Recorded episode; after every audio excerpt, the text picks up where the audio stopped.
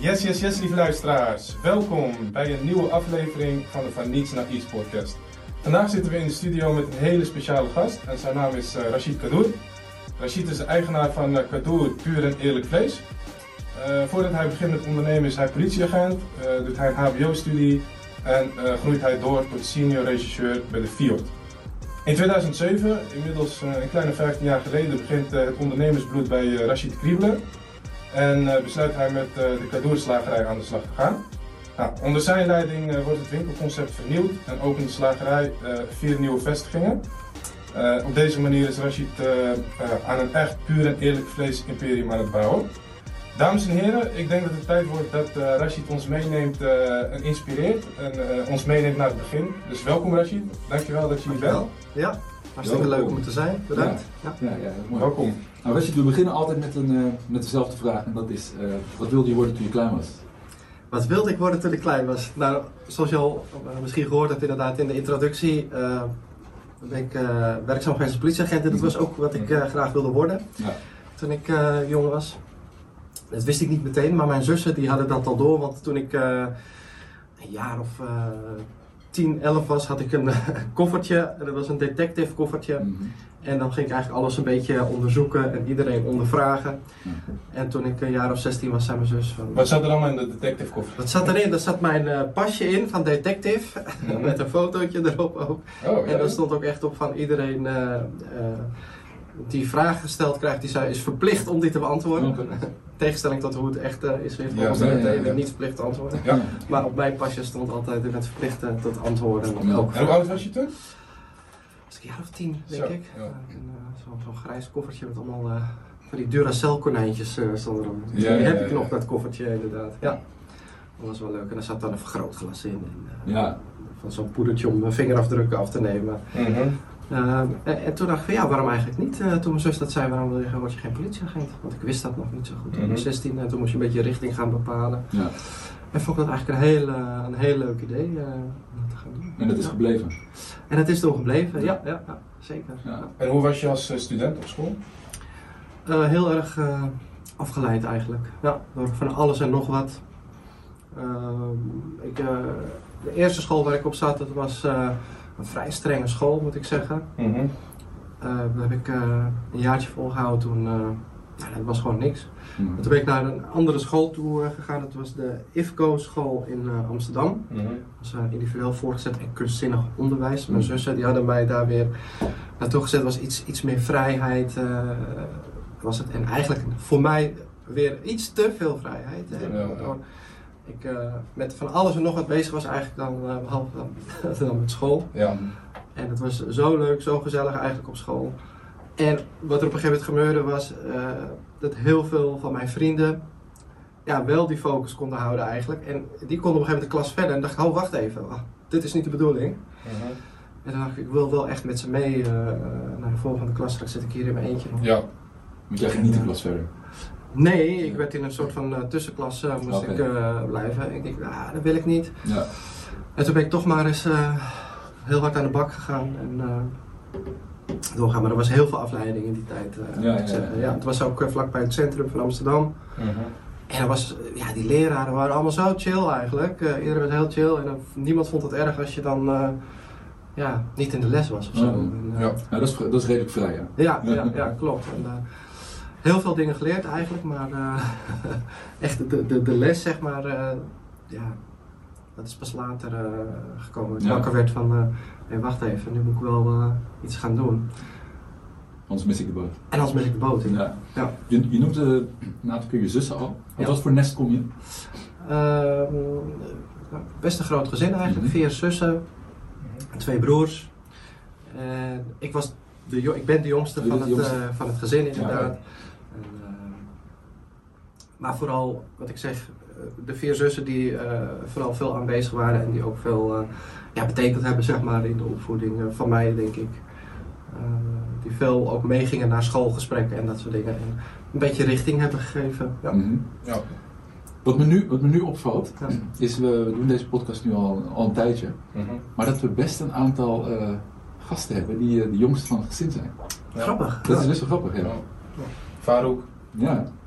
Ehm, Mo. Mo ook, ja. Mo van uh, Mo Natuurlijk allemaal, allemaal oudere zussen en broers. Dat, dat, komt, dat, ja, dat patroon ga je zien op het moment dat je meer van die gesprekken hebt. Grappig. Ja. Ja. misschien kunnen we daar eens een keer een eh, onderzoek naar doen. Ja. Maar oké, dus ehm, ehm, thuis had je dus nou ja, ou- oudere broers en zussen die, die, misschien wat konden sturen. Klopt. Maar op school had- was, het, was het vrij, maar toch nou ja, hield, je, hield je vast aan die, Ja. die, die, die droom om, eh, om politieagent te worden. Klopt, ja. Herinner je je de eerste dag dat je, dat je daarmee aan de slag mocht gaan? Bij de politie? Ja? Ja, herinner ik me nog heel goed. Ook ehm, zelfs eh, ja, naar de politieopleiding toe gaan, weet ik nog, we waren echt. eh, vond ik zo leuk, vond ik zo. ik weet ik, was, ik was heel blij dat dat gelukt was. Want ik wilde heel graag bij de politie, maar ik had destijds een MAVO-opleiding. En voor de politie Amsterdam-Amsterdam had je een HAVO-opleiding nodig. En anders kon je geen agent van politie worden. Zeg. Ehm, ik wilde het zo graag bereiken, zeg maar. Maar de HAVO-opleiding was nog best wel eh, lastig in die tijd voor mij om dat even snel te gaan eh, doen.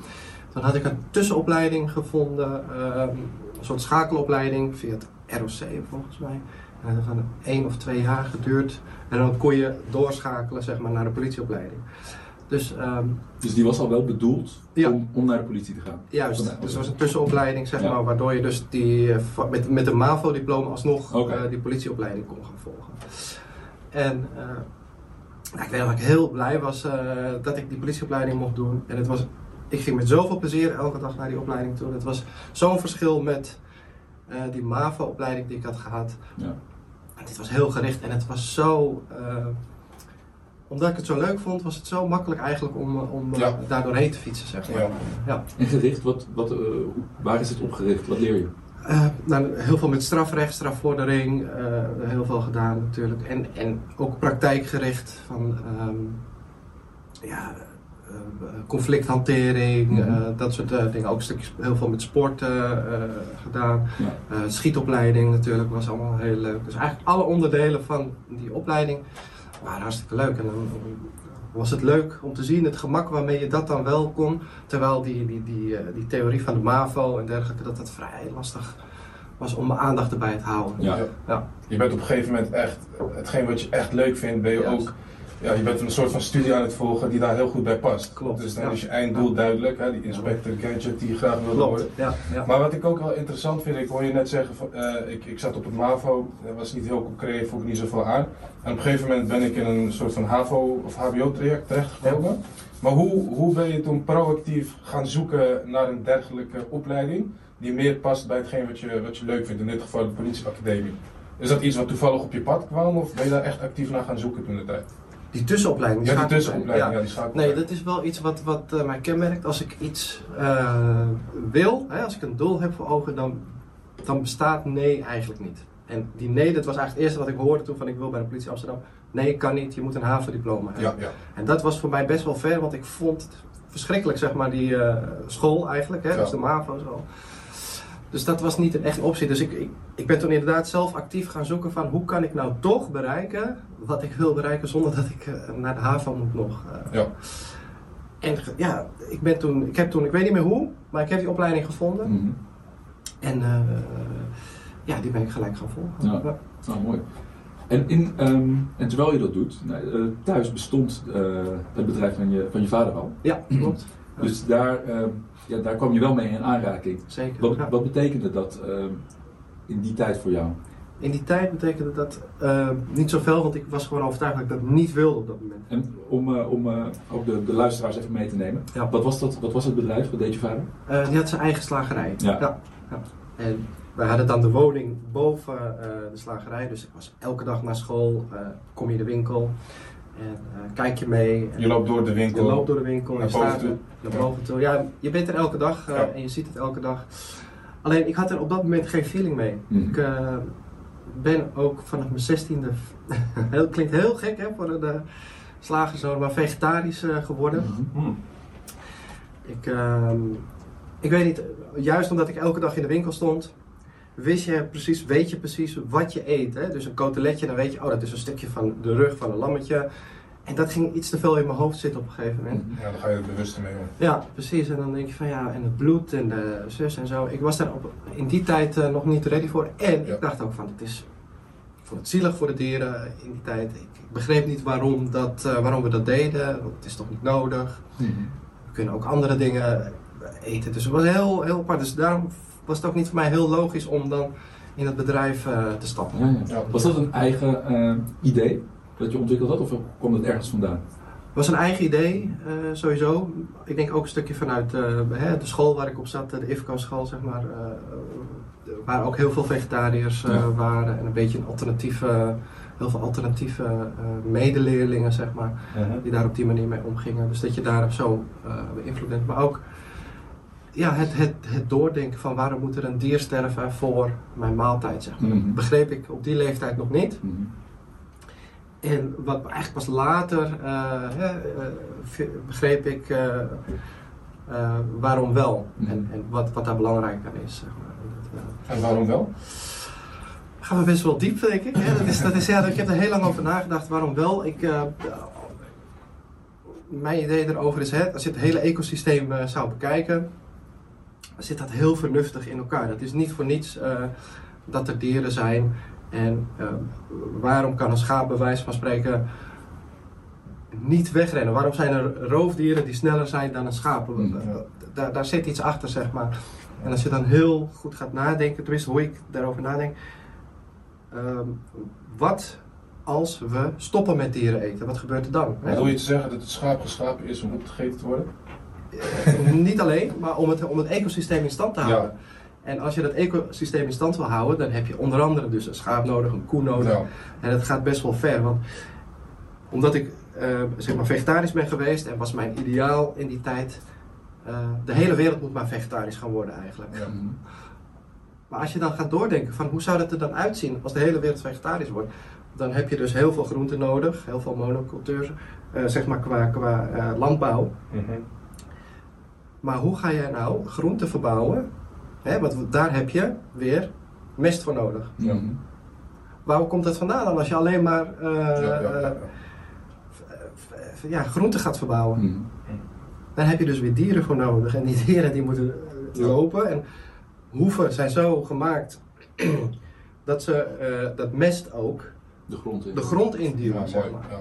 Dus wat, wat ben je dan van plan op een gegeven moment? Kunstmest, dus je, je wil alles in een fabriek gaan maken. De- de- Uiteindelijk stort dan het hele ecosysteem in elkaar en bestaat de wereld ook niet meer. Ja. Dus toen kwam ik erachter van, hé hey, wacht even, nee, het is gemaakt juist hè, dat we Er gebruik van maken. gebruik maken van alles. eh, Om het ecosysteem in het stand gaat. te houden. Ja, om het ecosysteem in stand te houden. Dus stoppen met vlees eten, dat, dat, gaat, niet, dat gaat hem niet worden, want dat is, betekent het einde van de wereld. Mhm. Dus elke, ja, elke beweging zorgt voor een, voor een reactie. Zeker, ja. En, ja. eh, en, en daarover nadenken, dat, ja, dat, dat, dat, dat helpt ons verder, denk ik ook. en juist die biodiversiteit en dat je zoveel dieren eh, eh, hebt. eh, want stel je voor dat je dus geen roofdier hebt. Dat betekent dat de koeien zouden dan in zoveel aantallen toenemen. Ja, ja. En ja. dat ze weer, hè, dus dat moet beheersbaar gehouden worden. Ziet- moet een complex systeem zijn. Dat je ook De balans. de balans ja. kan houden. In, in, ook bij, wat ik zeg, hè, dus de, tijd, de ijstijd. Dat je dat ook weer kan overleven. Dus, dus die diversiteit. En dat dus, hè, het ecosysteem. Maar ook eh, heb ik gemerkt eh, tijdens mijn vegetarische tijd. Hoe belangrijk eh, vlees voor het mensenlichaam is. Mhm. Ja, proteïne. Proteïne, eiwitten en, en, en vit- ja, zoveel stoffen die, die er in vlees zitten. Die je niet uit, of heel moeilijk, uit plantaardig voedsel Ja, krijgt, zeg maar. Ja. Maar oké, dat is, het is interessant om te horen ehm, ja, dat je dus echt uit een, uit een, een slagerscontext komt. Ja. Toch je ideeën ook gaandeweg hebt, hebt gevormd. Eh, ik denk dat we er zo weer bij terugkomen. Maar we gaan eens e- even kijken naar je, naar je ehm, carrière bij de politie. Ja. Dus je kwam, daar, je kwam daar binnen, je doet de opleiding. Ehm, nou, op een gegeven moment mag je jezelf agent noemen. Ja. Hoe, eh, ja, hoe, hoe, is dat, hoe is dat leven? Als agent. Ja. Dat was echt een lifestyle, denk ik. Eh, dat, dat is ook wel wat je merkt. Je bent politieagent en dan ben je op een gegeven moment niet alleen die acht uurtjes dat je op het werk bent. Maar 24 uur, en zo voelt het ook. Hè. Je zit echt in een soort van community op een gegeven moment. Je vrienden en alles. Het zijn ook vaak politieagenten, want je begrijpt elkaar. En eh, ja, sommige dingen kan je niet meer doen, op sommige plekken kan je niet komen. Waarom ben je, waarom ben je het 24 uur? Wat, hoe blijf je het zeg maar na je dienst? Ehm, ik weet bij mij zat het heel diep in mij dat ik echt eh, wat wilde betekenen, zeg maar, als politieagent eh, en ook als mens, zeg maar, voor de Je medemens. wilde echt het verschil maken. Je wil echt het verschil maken en ja, dus als je naar huis gaat en je ziet onderweg iets gebeuren, dan kan je je ogen sluiten en, en net doen alsof je gek bent en voorbij lopen. Maar dat is niet waarom je Nee, politieagent het is wil geen worden. 9 tot 5 eh, job. Juist. Eh. Dat is in ieder geval hoe ik, eh, hoe ik er een beetje Ja. in stond en er naar keek. Mhm. is niet, geldt trouwens niet voor iedereen, hè? dus dat was wel ook even wennen voor mij. Sommige mensen zeggen van ja joh, je moet gewoon lekker eh oogklep op en naar huis, anders kom je nooit thuis bij mij gaan spreken. Maar ik Ja. vond ehm, dat ik wel moest reageren als ik wat zag gebeuren, zeg maar. En, eh, als dat kan, hè. En, en, en, eh, dus ja, nog even terug naar je vraag inderdaad. Wat, eh, Ja, ik, ik, ik ben benieuwd naar, naar hoe, ehm, hoe, hoe die, die lifestyle daar aansloot op, het, op hetgeen wat je ervan verwachtte. Ehm, ja, nogmaals, hè, ik vond het echt ehm, een hele mooie tijd in ieder geval. Hè? Die Ja. beginfase als agent op straat, eh, op het Leidsplein, eh, weet ik nog, eh, dat was mijn eerste bureau waar ik werkzaam Ja, was. dus er gebeurt ook wel wat. Ja, iets minder dan ik had eh, verwacht eigenlijk. Hè? Ik dacht zelf, ik wil graag naar het centrum, want daar gebeurt alles. Ja. Maar juist eh, in het centrum was het heel rustig qua... qua. Het zijn waarschijnlijk wat kleinere vergrijpen, omdat het, het zijn ja, toeristen. Ja, ja, ja, en vaste bewoners die... eh, Dus, en, en ik heb ook stages gelopen, bijvoorbeeld in buitenwijken van Amsterdam. En daar gebeurde eigenlijk qua, qua diverse, diverse Zaken. zaken veel meer dan in het centrum. En dat viel me dan wel een klein beetje tegen van het bureau Leidsplein. Dus het is heel vaak ook eh, op het uitgaanspubliek eh, inderdaad. eh, of, of winkeldiefstallen of ja, dingen als wildplassen en dat soort dingen. ja, wat je eigenlijk zocht was, was, was dat je meer voor, ook voor de mensen kan betekenen. En, en dat had je in de woonwijken wat meer. Daar kwam je ook echt bij, veel meer bij mensen thuis om, om die te helpen met ja, allerlei problematiek en alles. Lijkt wel echt op een ondernemersbaan als ik het zo hoor. Je bent er 24 uur mee bezig. Maar goed, het is inderdaad meer hoe je er zelf in staat. Ja, dat dat is- iedereen er zo in Klopt. staat. Maar je was toen al echt proactief bezig. Je wilde toen al het verschil maken. Dus daar proef je al een beetje dat ondernemersbloed eh, wat in je zit. Ja, en, en, en, en als je dat dan zegt, inderdaad, hè, dan denk ik weer terug, dat, eh, dat, wordt, dat werd niet door iedereen ook eh, heel goed ontvangen. En dat was wat, wat wel inzet, klap, eh, je? ja, dat, dat was wat, wat voor mij wel even een reality check was van... Hé, hey, wacht, hè, ik, ik haal eh, zoveel boeven binnen, iedere keer en dit, dat. Ja, en, ja. ja, en dan, dan zag je andere mensen juist van, joh, pff, sloof je niet zo uit of zo, weet Ja, je wel. Wat, wat, wat, eh, of, hé hey, Rashid, eh, vandaag eh, alsjeblieft geen aanhouding, hè? ik wil een rustige dienst hebben. Ja, ja, ja. Huh? Oh ja, dat heb je ook. Ja, weet je, ik dacht van, eh, dat, dat vond ik heel, heel vreemd, want je kwam, je komt als een hele jonge jongen eigenlijk binnen, hè, ergens heel enthousiast en je, je wil eh, gaan knallen en Ja.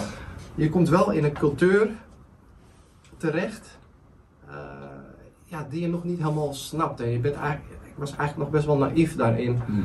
Dat je, da- dat je denkt dat je daar zo eh, binnen kan komen fladderen en je ding kan doen. Zonder, Ja, jij wil gewoon je, je best doen. ja, Je precies. wil Maar dat verschil werd, maken. ja, maar, dat, ja, je werkt natuurlijk ook met andere mensen samen. En niet iedereen kan het altijd waarderen. Ja, Nee. dat is een cultuur. Een cultuur, Cultuur, kan je niet, kan niet voor. ja, en, en Ja. vooral moet ik zeggen, eh, bureau Lamersgracht was best een stevige cultuur. Mhm.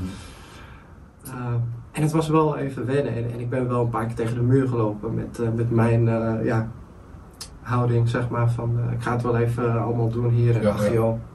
Je was misschien net even te proactief voor de Ja, cultuur die ja, je daar ja, ja, ja, klopt. En wat, wat houdt dat in tegen de muur lopen? Dat je, dat je Nou ja, goed, dat je niet goed bewust bent van, van bepaalde eh, eh, groepjes, zeg maar, binnen de politie, die de dienst al sinds jaar en dag daar Ja. uitmaken. ja, En eigenlijk eh, zoiets hebben van, weet je, je moet maar vooral heel goed gaan luisteren wat wij zeggen. ja, En anders gaan we jouw leven heel moeilijk maken. ja, precies. Ja. Wat is het belangrijkste wat je hebt geleerd in die periode eh, bij de politie? Lijnmansgracht? Dat Als je, eh, als, bureau? als je praat over bureau en over cultuur, ja, wat ik toen heb gedaan is, ja, ehm, ja minder naïef ergens binnenstappen, zeg maar, in, Ja. een, in een organisatie. Ja. Want je hebt op een gegeven moment eh, heb je, heb je je carrière als politieagent afgesloten. Ja. Eh, je bent op een gegeven moment eh, als regisseur binnen de Fiat volgens mij Ja. gestart. Klopt. Ja. En ik zag dat, ook, dat je op een gegeven moment ook een HBO-opleiding hebt gedaan. Klopt, eh, een, ja. aantal jaar. eh, Ja. Nadat je bent begonnen als agent. Kun je daar misschien wat meer over vertellen? Kun je ons daarin meenemen? Ja, nogmaals, hè, wat ik zeg, ik, ik, uh, als politieagent uh, werken was voor mij uit een bepaald ideaalgevoel. En ik heb altijd Ja. gezegd van, uh, het moet leuk zijn en blijven en ik moet dat met plezier en, en liefde blijven doen. Ja. Toen ik voelde dat dat heel, op bureau Lijnbosgracht, hè, althans, dat dat moeilijker werd, zeg maar, hè, dat ik heel veel aan, met, op, op, moest oppassen hoe ik bewoog dacht ik van, weet, ja, weet je, ik voel me hier niet meer uh, prettig bij, zeg maar. Ja, en ik heb altijd gezegd, ja, plezier werd, uh, ging een beetje weg. Toen dacht ik, weet je, dan ga ik ook gewoon weg, want ik kan dit alleen op een goede manier doen, ja. als ik er echt met heel, uh, ja, mijn hart en ziel, zeg maar, in zit. Ja.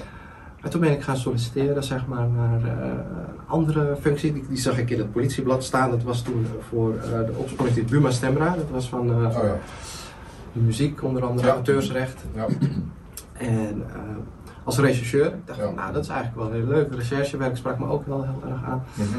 En als ik dat kan combineren met uh, andere dingen die ik leuk vind, muziek, film en games, why not, weet je wel, dat lijkt me wel iets. En um, dus daar werd ik aangenomen. En een hele andere cultuur eigenlijk. Dat was, uh, Buma Stemmen was ook een beetje meer vanuit het bedrijfsleven. Ja, iets commerciëler ook. Ja, Meer, eh, iets commerciëler inderdaad. En uh, wel met gewoon alle bevoegdheden die je nog had. Het was best wel een unieke dienst was dat. Hè? De opsporingsdienst Buma Stemra was de enige private organisatie met opsporingsbevoegdheid. Oh, dat was, wel- het was wel een private organisatie. ja, dat was destijds nog een private En wat, organisatie. en wat, eh, wat onderzoek je dan? Uh, schendingen van auteursrecht. Oh. Ja, dus je had toen uh, van illegale cd'tjes. Ja. En, Ja. en, maar er zaten uh, complete criminele organisaties Ja, achter in die tijd. Ja, ja, eh. ja. ja. Uh, Big Club business. Tracks hadden we, we hadden de- van die dvd'tjes met Twilight, met allemaal illegale software, Ja, ja, ja. Onyx, of, uh, allemaal van dat soort dingen. Dat verwacht je misschien niet bij auteursrecht, maar dat waren echt hele grote or- criminele organisaties. Ja, dat is, gewoon een Dus miljoenen business. Klopt, ja. Mm. En was uh, heel interessant om dat te doen. En vooral ook omdat de materie, vond ik ook heel interessant. Uh, ik vond het leuk, uh, games, software, muziek. En nou ja, dat kreeg je allemaal in handen en dat zag je. En dat was wel leuk om... uh, Ja, dat was natuurlijk wel de, de tijd waarin die digitalisering veel Ja. sneller ging klopt. dan de regelgeving eromheen. Ja. Dus dat was het ja, voor, een, een ondernemende eh, crimineel. Dat Ja. zie je nu eigenlijk ook Zeker. Gebeuren met, eh, met de macht van de techbedrijven. Dat de ontwikkeling van de techbedrijven sneller gaat dan, Tuurlijk, tuurlijk, dat blijft. eh, eh, ja, dan het congres in de VS als het ware. ja, ja. ja. Oké, en, en uiteindelijk heb je eh, in de tussentijd nog een extra opleiding gedaan. Klopt, ja. Toen, Waar kwam dat vandaan? Uh, ja, moet ik even denken wa- waarom ik dat toen. Ik, ehm, omdat ik denk ik ontdekte hè, van ik, ik wil toch eens kijken van hoe dat nu zit. Want toen ik een jaar of 16 was, had ik heel erg afgeleid. eh, Ja. eh, ja, puberteit, eh, hormonen en, en een scooter en weet ik wel wat. Andere levensfase. Ik wil eigenlijk nog wel eens een keer kijken eh, hoe, hoe ik nu in de schoolbanken zou zitten. Ik heb toen een parttime eh, HBO ingeschreven voor parttime HBO MER. Mhm. Management Economie en Recht. Ja. En de kans was toen ook bij de FIO destijds om dan eh, door te groeien. Dan kon je echt naar eh, senior, inderdaad regisseur eh, doorgroeien als je eh, dat zou doen. En ze boden ook die ruimte om, om je te helpen daarbij. Want Ja. die- omdat die eh, in de avonduren onder andere dan. Ja, mooie kans. Zeker, ja. En daar ging je voor. En daar ging ik voor, ja. Hm. En het beviel hartstikke goed. Ik uh, was wel even pittig, want je moest echt uh, gewoon naar je werk toe natuurlijk. En dan in de avonduren nog uh, die studie erbij pakken. Ja, En het was een deeltijdstudie, waarbij je dus maar heel beperkt uh, ook tijd van je docent had. Dus je moest heel erg gefocust zijn, en vooral bij de, de vak, het vak statistiek bijvoorbeeld. Ging het razendsnel, ging je door die stof heen en zo. Dan Ja. moest je echt thuis nog zo, echt wel een paar uur uh, Ja. blokken om dat... Uh, Ja, het is natuurlijk al een part-time opleiding. Precies, eh, ja. Als je er ook nog eens naast eh, aan het werk bent, dan is het inderdaad extra zwaar. Ja. Um, Arie, wilde jij nog wat zeggen? Nou, ik, ik vraag me af, kijk, op dit moment ben je dan, eh, je bent dan politieagent geweest, je, hebt, eh, je bent eh, door, doorgegroeid. Ehm, je bent actief in, bij de Field. Ehm, hoe, la- hoe lang heb je daar gezeten?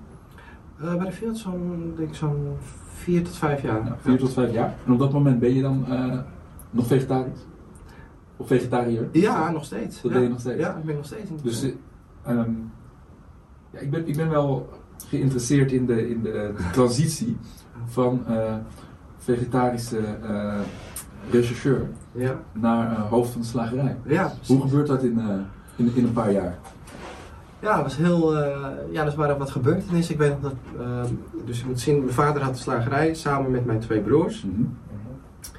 En een van de broers, eh, ja, die wilde meer, die wilde gaan uitbreiden. Hij wilde ehm, het idee om meerdere slagerijen te openen. Ehm, en mijn andere broer, die had daar niet zoveel behoefte aan. Die dacht van, nou, ik vind het wel lekker zo, weet je wel, een winkeltje, we zijn lekker met z'n drieën, niet Ja. veel stress. Maar mijn broer die was vastberaden en die zegt, ik ga een winkel beginnen. En die is gewoon een, een andere winkel begonnen. En ehm, tegen de zin van mijn broer eigenlijk een beetje. Op een gegeven moment werd mijn broer, die dus niet zoveel zin had in die uitbreiding, werd ook eh, ziek. Eh, best wel ernstig ziek. En toen ehm, werd er eigenlijk gevraagd van, goh, aan mij wil jij niet komen helpen toch, weet je wel? Eh, want eh, hij wil nu allerlei eh, winkels gaan openen, daar zitten we niet op te wachten, maar zou je eventueel ons willen helpen? In ieder geval de periode dat mijn broer is uitgevallen, zeg maar, tijdens zijn ziekte, Ja. om erbij te komen. Nou, toen heb ik gezegd, ik weet het eigenlijk niet, maar ik vind het best wel spannend om, om op een gegeven moment iets voor mezelf te doen, want ehm, wat ik zeg, die carrière bij de politie ging eigenlijk iets te snel. Er kwam, eh, het leukste vond ik de beginfase, gewoon lekker op straat en, en de boeven vangen. Mhm. En als rechercheur en toen ook bij de Field, ehm, als je als senior rechercheur, dan zit je vooral heel veel binnen. Ja. En ben je heel veel aan het eh, de, de, de onderzoek aan het coördineren. En eh, minder op straat. Terwijl dat was juist wat ik het allerleukste vond aan het werk. en nu was ik met een heel koffertje op pad, hè? sinds, Ja, precies, met een koffertje op pad dat en echt, ja. Ja. En nu was het vooral eh, ja, de andere regisseurs aansturen, Ja. op- juist op straat, de, de observatieteams aansturen. En zelf zit je gewoon binnen en ben je dagenlang alleen maar aan het typen en typen en dossiers Ja. aan het bouwen. En dat begon een beetje tegen te staan. Dat past er minder bij. Past er minder eh, bij, je dat je naar- leuk vond. Ja. Precies, naar de klok aan het staren. En toen dacht ik van, joh, weet je, ik wil best eens kijken eh, hoe het is om voor jezelf te werken. Zeg maar. En ik heb toen gevraagd of ik een jaartje eh, sabbatical mocht nemen. Oh ja. ja. En dat was goed. Eh, dus je hebt niet meteen uh, het risico genomen door je baan, je fulltime baan en je vaste contract op te? Nee, dat durfde ik nog niet. Interessant. Ook heel spannend, vooral omdat ik nog niet zeker was of ik wel echt dat slagersvak in wilde. Ja. Nou, hoe, toch, hoe oud ben je op dat moment? Toen was ik 27. 20, 28. Ja, ja, ja, ja. een beetje. Ja, dat vragen we altijd, omdat onze luisteraars dan ook eh, ja. de, situatie herkennen en dan eh, zichzelf misschien ook eh, op die manier willen profileren. Ja. Um, dus hij had dus bed en in de winkel gekomen. En ehm, nou, vooral mijn ene broer, die, die dacht van, ah, je gaat het toch niet volhouden, weet je wel. dus die stuurde me eigenlijk gelijk uh, van, weet je, ga, ja, ja, ga maar even naar achteren. De, de, echt zo'n rotklusje in de slagerij wat ik moest doen was uh, de kippenbout of zo schoonmaken. Even laten zien hoe het hier... Uh, Ja. zei, nou ja, prima joh, doe ik. Hup, Ja. naar achteren. En uh, de kippenbout was wel eventjes een omslagpunt hoor, op dat moment. Ik zei, Ja. jeetje, ga ik dit echt doen? Maar ik denk, laat me niet kennen. Dus ik, uh, ik ga er gewoon staan. En om het bedrijf goed te leren kennen, is het Ja, goed om alle eh, facetten van het bedrijf af te gaan. Van Ja. afwassen tot Ja. kippenbout schoonmaken, tot het vakvullen, het verkoop-inkoopproces. Waarom? Tegelijkertijd was het een soort van stage voor je. Klopt. Maar ik denk ook dat mijn broer zoiets had van, weet je, je moet niet denken dat je hier binnenkomt en dat je Meteen de baas bent. even het baasje bent gaan spelen, weet je wel. Mhm. En ehm, nou, ik vond dat nog wel een sterk moment van mezelf, denk ik, om toch, weet je wel, om niet gelijk eh, te zeggen, ja, wacht, eh, maar gewoon te doen en, en serieus te doen en het goed te doen. Ehm, want dat is wel iets wat ik nu wel eens merk. Ook, ik heb ook wel eens, ik heb ook wel jonge neefjes. En die eigenlijk wel verwachten dat ze meteen op het hoogste niveau Ja. eh, kunnen instappen. Zonder dat ze de basis nog onder de knie hebben. Ja. Ehm, en dan merk ik wel ook bij veel jonge, jonge lui nu. Ze willen gelijk Ja, de gelijk, baas zijn. eh, gelijk ah, managementpositie, hè? managementpositie hebben. Zonder dat je de basis kent. En, Ja. en hoe kan je nou een goede, goede manager zijn zonder dat je die basis kent? Ja. Dat vind ik eh, nu nog wel eens moeilijk om te begrijpen. En, en jammer dat veel jongens wel afhaken als ze dus niet meteen die managementpositie krijgen. Ja. Ja. Welk advies zou je dan aan je neefjes mee willen geven aan de andere jonge luisteraars die op die manier denken? Nou, om de waarde te zien, om, om juist op, op, op, eh, op, op om alle facetten, om alle lagen in organisatie te leren kennen. En juist daar, want, want dat is de, de kunst om straks goed eh, te kunnen aansturen. Mhm. Ja. Ja. Je kan niet aansturen als je niet weet hoe je een kippenbout schoon moet maken bijvoorbeeld. Ja, dan kun je ook degene die dat moet doen niet op de juiste manier aansturen. Ja, ja. Bijvoorbeeld te noemen. Ja. Maar ook om, om te ervaren en te voelen hoe dat is om Ja. dat te doen elke Ja. dag weer. Zeg maar. Mhm. Dat, geeft, dat geeft een bepaald respect mee ook naar de jongens die daar elke dag op de vloer staan en eh, dat werk Ja. doen. Ja. Nou, je rolt er op een gegeven moment in inderdaad. Je eerste eh, soort van stage. Ja. Kun je ons meenemen? Hoe, eh, hoe is het op een gegeven moment eh, doorgegaan? En, eh, Want wat was je rol? ja, wat is je rol? Goeie vraag. Mijn rol was in eerste instantie gewoon ehm, echt actief meedraaien in de winkel. Gewoon eh, toonbank, dus klanten helpen. En eh, ja, er was nog niet echt heel veel ruimte om iets op eh, het gebied van management of wat, wat dan ook te doen. Het was je- echt gewoon meedraaien. Je kwam echt eigenlijk eh, eh, vervangen. Eigenlijk de, de, de, Ja. de, de leegte die viel doordat je broer er, er op dat moment niet was. Klopt. Invullen. ja, klopt. En dat was- dus dat- meedraaien. Ja. En het was, het was ook druk. Dus ik zat gelijk ja, vijf en soms eh, ja, zes dagen had je hands-on in het vlees op een gegeven moment. Ja, en, En eh, had je een bepaalde verwachting van... Nou ja, je hebt een jaar sabbatical genomen. Had je een bepaalde verwachting van wat dat jaar eh, je zou brengen... of wat jij zou brengen? Nee, totaal niet. Totaal niet. Nee, en dat is ook echt de reden waarom ik die sabbatical had gedaan. Mhm. Ik weet niet wat ik moet verwachten. Ik weet niet hoe ik het ga vinden. dus we gaan het gewoon aankijken. En ehm, ja, wat ik zeg, het was eh, heel anders. Hè? Het is een heel ander gevoel. Eh, wat wel fijn was inderdaad, dat je, je voelt je wel heel vrij in je hoofd, zeg maar, hè, op dat moment nog. Mhm. Ehm, En waarom voel je je vrij in je hoofd? je hebt best wel veel vrijheid in hoe je je werk inricht en, Ja. en wat je doet. En ehm, er is niemand die eigenlijk op je vingers kijkt van je moet dit zo doen of je moet het zo. Of, en wat heel prettig was, ehm, de positiviteit zeg maar. Hè? Omdat je staat er met je vader, je staat er met je broer. Ja. Dus er zijn geen andere negatieve krachten zeg maar, die jou proberen weg te drukken op een bepaalde manier. Dus het is, het is allemaal, we willen allemaal één kant op en dat is vooruit. Ja. En dat is bij andere ja, eh, baantjes, dan voel je ook wel dat er aan de andere kant van je soms getrokken wordt om je... Zeker als je met meerdere Ja. mensen te maken hebt, dan Juist. kan het zo zijn dat niet alle neuzen dezelfde kant Daarom. op eh, wijzen. Ja, en ik kan me voorstellen dat het eh, type werk Ja. natuurlijk ook anders is dan waar je vandaan kwam. Juist, Je hebt klopt, niet te maken met langdurige dossiers en noem maar op. Het is allemaal Klopt. redelijk duidelijk wat Ja, je aan het doen ja. bent. Ja. En je ziet het resultaat ook heel snel in de vorm van enthousiaste klanten bijvoorbeeld, als je kwaliteit Precies, juist. Dat was, Dat hele, dat was heel ook, prettig inderdaad. Eh, nu herinner ik me weer een beetje inderdaad wat ik heel prettig vond. Je wil een verandering en je hoeft niet over vijf, zes, zeven schijven te gaan. Ja. Ja. Die verandering wil je dus morgen gedaan. Ja. Dat was wel echt heel bevrijdend, zeg maar. Mhm. Je hebt een idee, je weet zeker dat het een goed idee is en je voert hem uit. En het lukt. Geweldig. Ja. en, en als je in een grote organisatie zit, ja, je hebt een idee. Maar ja, wil er überhaupt iemand naar luisteren? Ja. Dat is al vraag één. En de tweede, nou, als er al iemand naar wil luisteren, dan moet het nog over zeven schrijven. Ja. En dan misschien als je geluk hebt, dan is het dus een keer na een jaar of zo eh, doorgevoerd. Mhm. En hier is gewoon, je ziet iets, je hebt een idee, we gaan het veranderen. Eh, budget, hebben we het? Ja, doen. Klaar. Ja. Ja. en dat was heel prettig, moet ik zeggen. Ja. Ja. Heb je een voorbeeld van een idee wat je in het eerste jaar wat, wat er kwam? Want je begint met, met eh nou ja, kippenbouten schoonmaken. Ja. Maar op, op welk moment kreeg je wat meer feeling en kon je wat meer doen? Ehm, in die tijd eh, waren er nog, er bestonden eigenlijk geen slagers, bijvoorbeeld met een website. Mhm, Dus of met, met online eh, verkoop. mhm. Dus dat vond ik wel leuk om eh, te onderzoeken, zeg maar. En, Ja. en daar ben ik gewoon mee aan de slag gegaan. En ehm, ben ik gaan doen. Bijvoorbeeld, ja, dat, dat was in die tijd best wel een verandering. Want Ja. hoezo? Niemand die haalde het in zijn hoofd eigenlijk van... Hoezo moet een slager een web? Wat heb je nou? Je bent toch een slagerij? Wat moet je nou met een website? Mhm. Ook mijn, mijn broers eigenlijk, mijn vader. Ja, zonde van je tijd eigenlijk. Maar weet je, Doe maar. doe maar. Probeer maar. Ja. Vooral in het specialistische vak. Hè? Dus eh ja, een delicatesse, een traiteur, die, die hadden altijd zoiets van wij zijn specialisten, wij laten het zien in de winkel. Maar als je dan inderdaad met het idee komt van nee, er komt straks een extra dimensie bij. En je bent er zo vroeg Ja. bij. Ik ga Ja. er even vanuit dat het dan eh, in het jaar 2005 klopt. Ja, of zo is geweest. Echt, eh, ja. Dan eh, ben je al wel snel, redelijk snel de game aan het changen. Klopt, ja. Dus dat was wel heel eh, leuk om dat te ontwikkelen en daarmee bezig te zijn, eh, de eerste website. Heb je de website zelf gebouwd of heb je het uitbesteed? Ik heb het samen gedaan met een eh, kennis van mij destijds. Oh, ja. Dus ja. echt zelf helemaal ingericht. En ja, ja best wel veel eh, werk was dat nog. Als je helemaal van nul moet beginnen Ja. voor eh, slagerij. Ja. En was het een informatieve website of een website waar je ook echt iets op kon kopen? Hoe moeten we dat zien? Eh, als ik even, ik moet even goed terugdenken, de eerste website was eh, volgens mij vooral informatieve website inderdaad.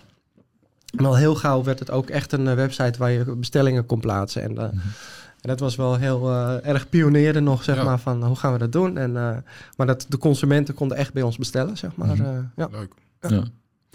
En dan zit, je, dan zit je in dat eerste jaar. En ehm, hoe- ontwikkelde jouw eh, idee over nou ja, jouw, jouw continuïteit in dat bedrijf zich in dat jaar? Want op een gegeven moment moet je een beslissing maken van ga ik terug naar, eh, naar mijn vrienden bij de politie? Klopt. Of, eh, of, of ga ik hiermee door? Hoe, Ja. hoe ontwikkelde dat idee zich bij jou?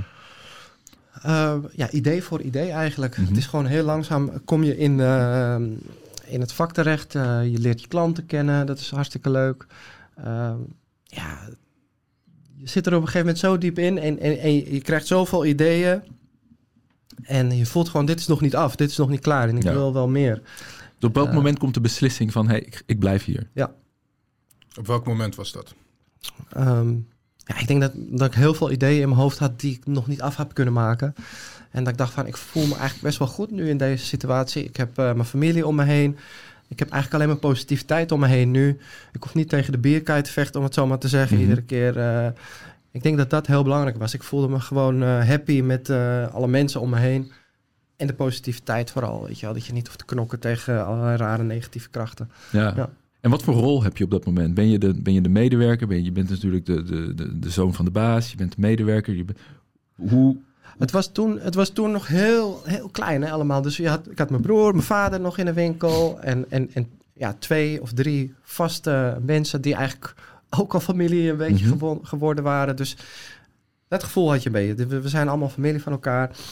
En ehm, ook, eh, zoals de- wat ik zeg, die slagers die er bij ons staan, de, de, de medewerkers die we toen hadden, die kennen mij allemaal als een klein jongetje Ja, al. Dus ja. die hebben mij helemaal mee zien groeien. En dat- wat ik zeg, dat is, dat is een soort van familie. eh, en nog steeds. eh, Ja, maar ik kan, Ja. ik kan me dat voorstellen, maar tegelijkertijd denk ik ook, nee, ehm, eh, weet je, je, je, bent, je hebt er altijd doorheen gelopen, je hebt altijd Klopt, misschien wel een beetje geholpen links en rechts, maar op welke, ehm, maar op, je, je moet ook je, je leven onderhouden, je hebt een bepaald salaris nodig.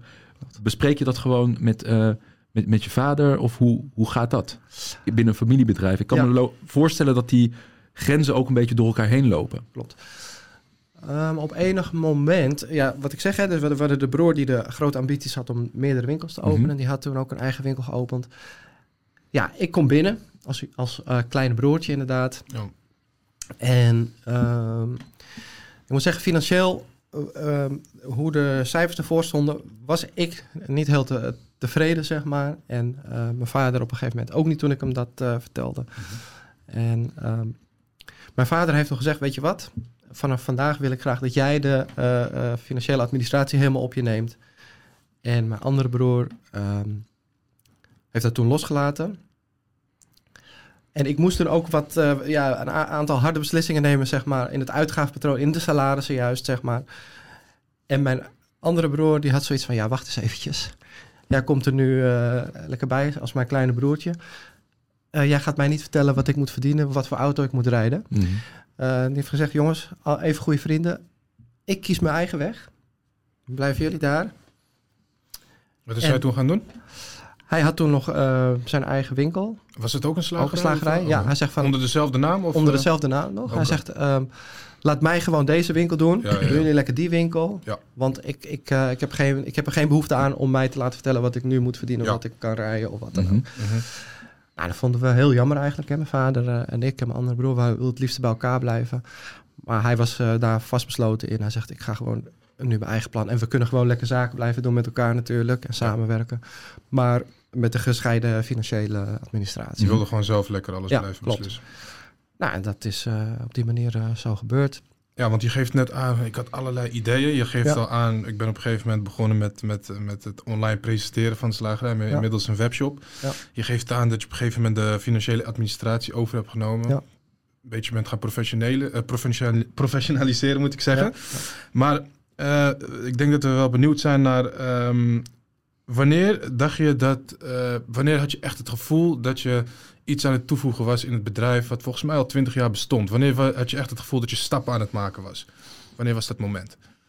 Ja, ik denk toch wel toen. eh, dat het al begon met, met, met die website, zeg maar. Ik had daar ideeën bij. Ik dacht van, ik wil iets met het online gaan doen. Ja. Ik wil eh, meer eh, focus op wat de klant vraagt. Hè? Dus, dus, dus slagers is heel veel vanuit het slagersgedachtegoed van... een slager verkoopt wat hij wil verkopen. Ja. Mhm. Hè, dit, dit heb ik. Hè. Kijk, een dier heeft natuurlijk zoveel coteletten, zoveel biefstuk en zoveel dit. Ja. Dus je moet het hele beest eigenlijk hè, verwaarden en verkopen. Ja. En dat was wel een discussiepuntje natuurlijk met mijn vader en mijn broers. Ik was meer naar de klant toe van, goh, waar heb je, hè, hoe, hoe maak ik jou nou blij? Ja. En de slager die denkt van, goh, ik moet ook vooral mezelf blij maken, want al deze items moeten eind van de week verkocht zijn. Ja. En dan maakt het niet zoveel uit of jij nou trek een biefstuk hebt, maar jij gaat vandaag cotelet eten. Mhm. Weet je, dat, dat is Beetje aansmeren. Dat is er. ja, dat is, dat is eigenlijk het slageren. Zo, je Ja. moet slageren, werd er dan tegen mij gezegd. Je Ja. moet slageren. En ik snap dat. Hè? dat was, het, is, het is belangrijk. Weet Je moet slageren. Als, het is een werkwoord, slageren. Ja, wat, ja, wat, is, wat slageren? Je moet slageren. Slageren is, je moet je hele beest verkopen. En Ja, dat de hele koe. Ja. Ja. Van top tot teen. En daar ben ik het mee eens. Want ja, wat ga je doen met de rest? Je, Ja. kan, je, je gaat het niet weggooien. Je kan niet alles in de worst gooien. Je kan niet alles in het gak gooien. Dus Ja. je moet ook wel bepaalde dingen aan de man brengen. Maar de kunst is dus van het juiste stukje aan de juiste persoon. Mhm. Ja. En eh, niet iemand die, die echt eh, een biefstukje wil, een cotelet gaan geven, zeg maar. Weet je wel? Mhm. Want dan is hij morgen misschien denk ja, die slager heeft me toch te pakken weer, weet Ja, je wel. ja, ja. En, en die omslag, dat was best wel, eh, die wilde ik graag maken, zeg maar. En dat eh, heeft wel wat voor wat discussie gezorgd. eh, Want wat, ja. wat betekent dat in je bedrijfsvoering? Wat, wat moet daarvoor veranderen? Sowieso natuurlijk de, de klantbenadering, Mhm. maar ook dat je kijkt naar de producten die je in de toonbank legt. Het, het aanbod, hoe koop je in, wat koop je in. Mhm. En je kan eh, ja, een stuk vlees op vijf, zes, zeven verschillende manieren presenteren in je toonbank. Mhm. En En eh, daar dus gaan kijken van hoe kunnen we nou zoveel mogelijk naar, aan die klantbehoeften gaan voldoen, zeg maar. Ja. En hoe was die klantbehoefte anders dan ehm, nou, de, de, de verwachting van, de- van de traditionele slagerij daarvoor? Wat, wat was er anders? Eh, ja, wat ik zeg, Waren het andere stukjes of andere... ja, v- vaak andere delen ook. Mhm. Ehm, en in die tijd ehm, hadden we ook nog niet be- bepaalde eh, onderdelen van eh, vlees, maar ook niet bepaalde rassen. En dat, eh Oké. als ik daarover terugdenk, inderdaad. Ik was een keertje op vakantie geweest, ook in Amerika, zeg maar. Bezo- En als je op vakantie gaat, tenminste als ik op vakantie ga, dan wil ik ook altijd graag eh, de slagerijen zien in eh, Mhm. hoe dat daar eh, gepresenteerd was. Mhm. En daar zag ik ook heel veel andere delen vlees, zeg maar. En, en dan praat je over andere rassen zoals Black Angus, Wagyu. En die hadden wij nog niet in de toonbank liggen.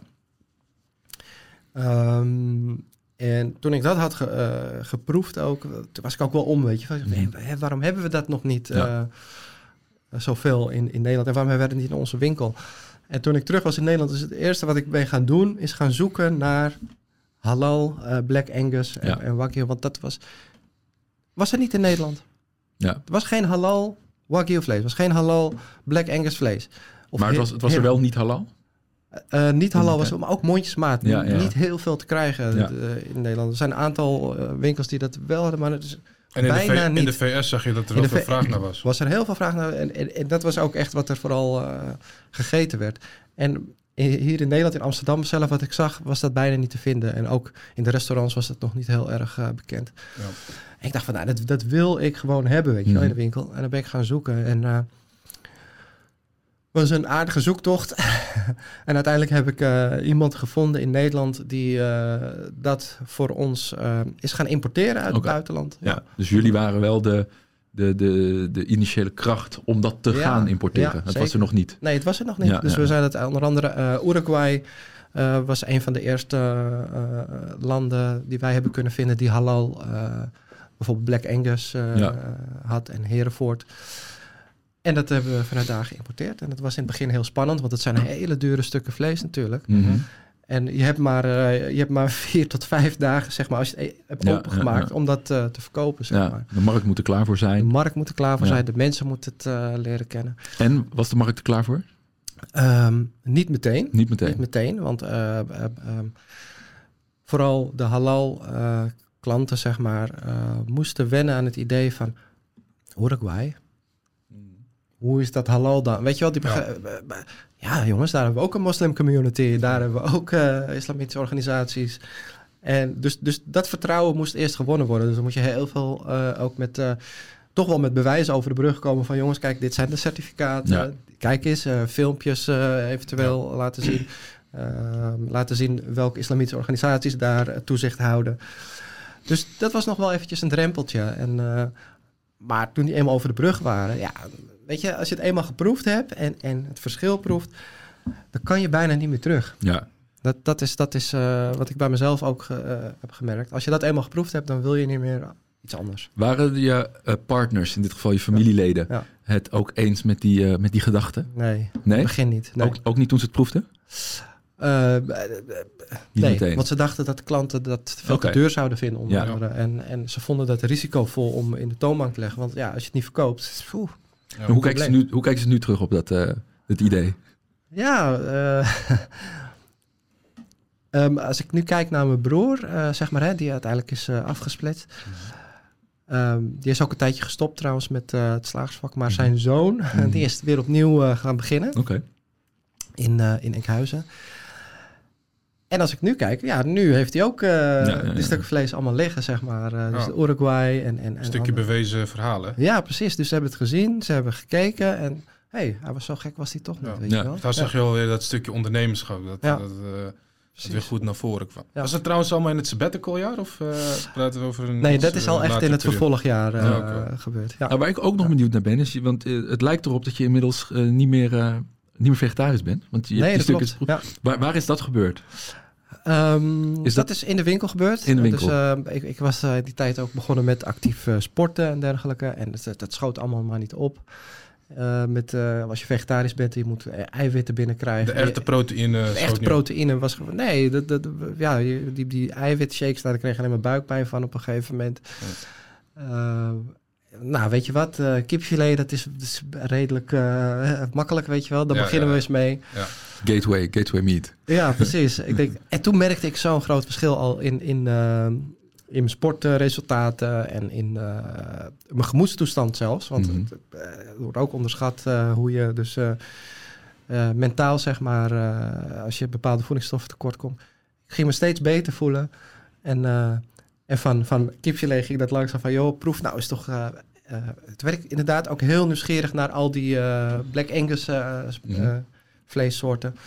En toen ik dat had geproefd, inderdaad, toen was ik om. En niet alleen hoe ik me voelde en wat het met mijn lichaam deed, maar de smaak ook echt. Dat ik dacht van, joh, goh, dat ik uh, dit nu uh, ongeveer 10 tot 15 jaar heb moeten missen, is wel echt uh, ja. Ja, ja, ja, ja. bizar. Ja. Dus je bent op een gegeven moment het ecosysteem in stand gaan houden. Juist, en de gezondheid van, van, van ja. het lichaam en ook het genieten natuurlijk. Want ja. je mist als vegetariër, ben je altijd op zoek naar smaak, zeg maar. En dat is met vlees zo makkelijk eigenlijk. Ja. Ja. Nou, ik, je, je, vertelt ons dus over, uh, over dat innovatieve element van uh, het product. Weet je, dat je echt op zoek bent gegaan naar welke producten kunnen we toevoegen aan ja. ons assortiment. Ja. Um, wat zijn er andere elementen die, die, waarvan je zag van hey, hier kunnen we wat mee uh, op, in, de, in, in de slagerij die we hebben? Misschien niet op productniveau, maar op andere, andere niveaus. Uh, maar als je over productniveaus, in mijn vegetarische tijd dacht ik van, goh, hoe kan ik nog iets doen om, uh, mijn eigen behoefte ook te vullen. Om mijn eigen behoefte te vullen, maar mm -hmm. ook uh, iets, iets goeds te doen. Hè, want ik dacht echt dat het goed ja, was precies. om minder vlees te mm -hmm, hebben in die mm -hmm. tijd. Heb ik uh, iets met, met uh, een hybride product willen doen, zeg okay. maar. Hè? Dus ik hoorde toen van de vegetarische slager destijds. Die deed iets met lupine, onder andere. Dat is een soort peulvrucht. En ik dacht van, goh, weet je, hij doet dat puur vegetarisch. Maar wat als wij nou een hybride product maken? Ik ben toen de vegetarische slager gaan benaderen om te vragen wat voor product hij nou precies uh, gebruikte. Was ik dus achtergekomen dat het lupine was en die heb ik uh, weten in te kopen. Toen ben ik uh, een hybride worstje gaan maken, bijvoorbeeld. Okay.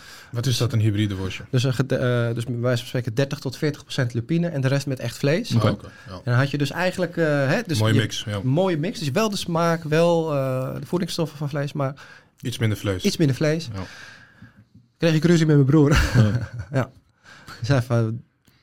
Dit is niet waar wij voor staan. Okay. Hè, we willen puur... Dit is niet slageren. Dit is niet slageren. Dit, dit is, wij, wij gaan voor vlees, voor ambacht. En als iemand wat vegetarisch wilt, dan gaat hij inderdaad maar naar de vegetarische slager. Maar dat was de broer die, die was afgesplitst? Nee, dat is de broer okay. die... Uh, die inmiddels ja. terug is van de ziekte.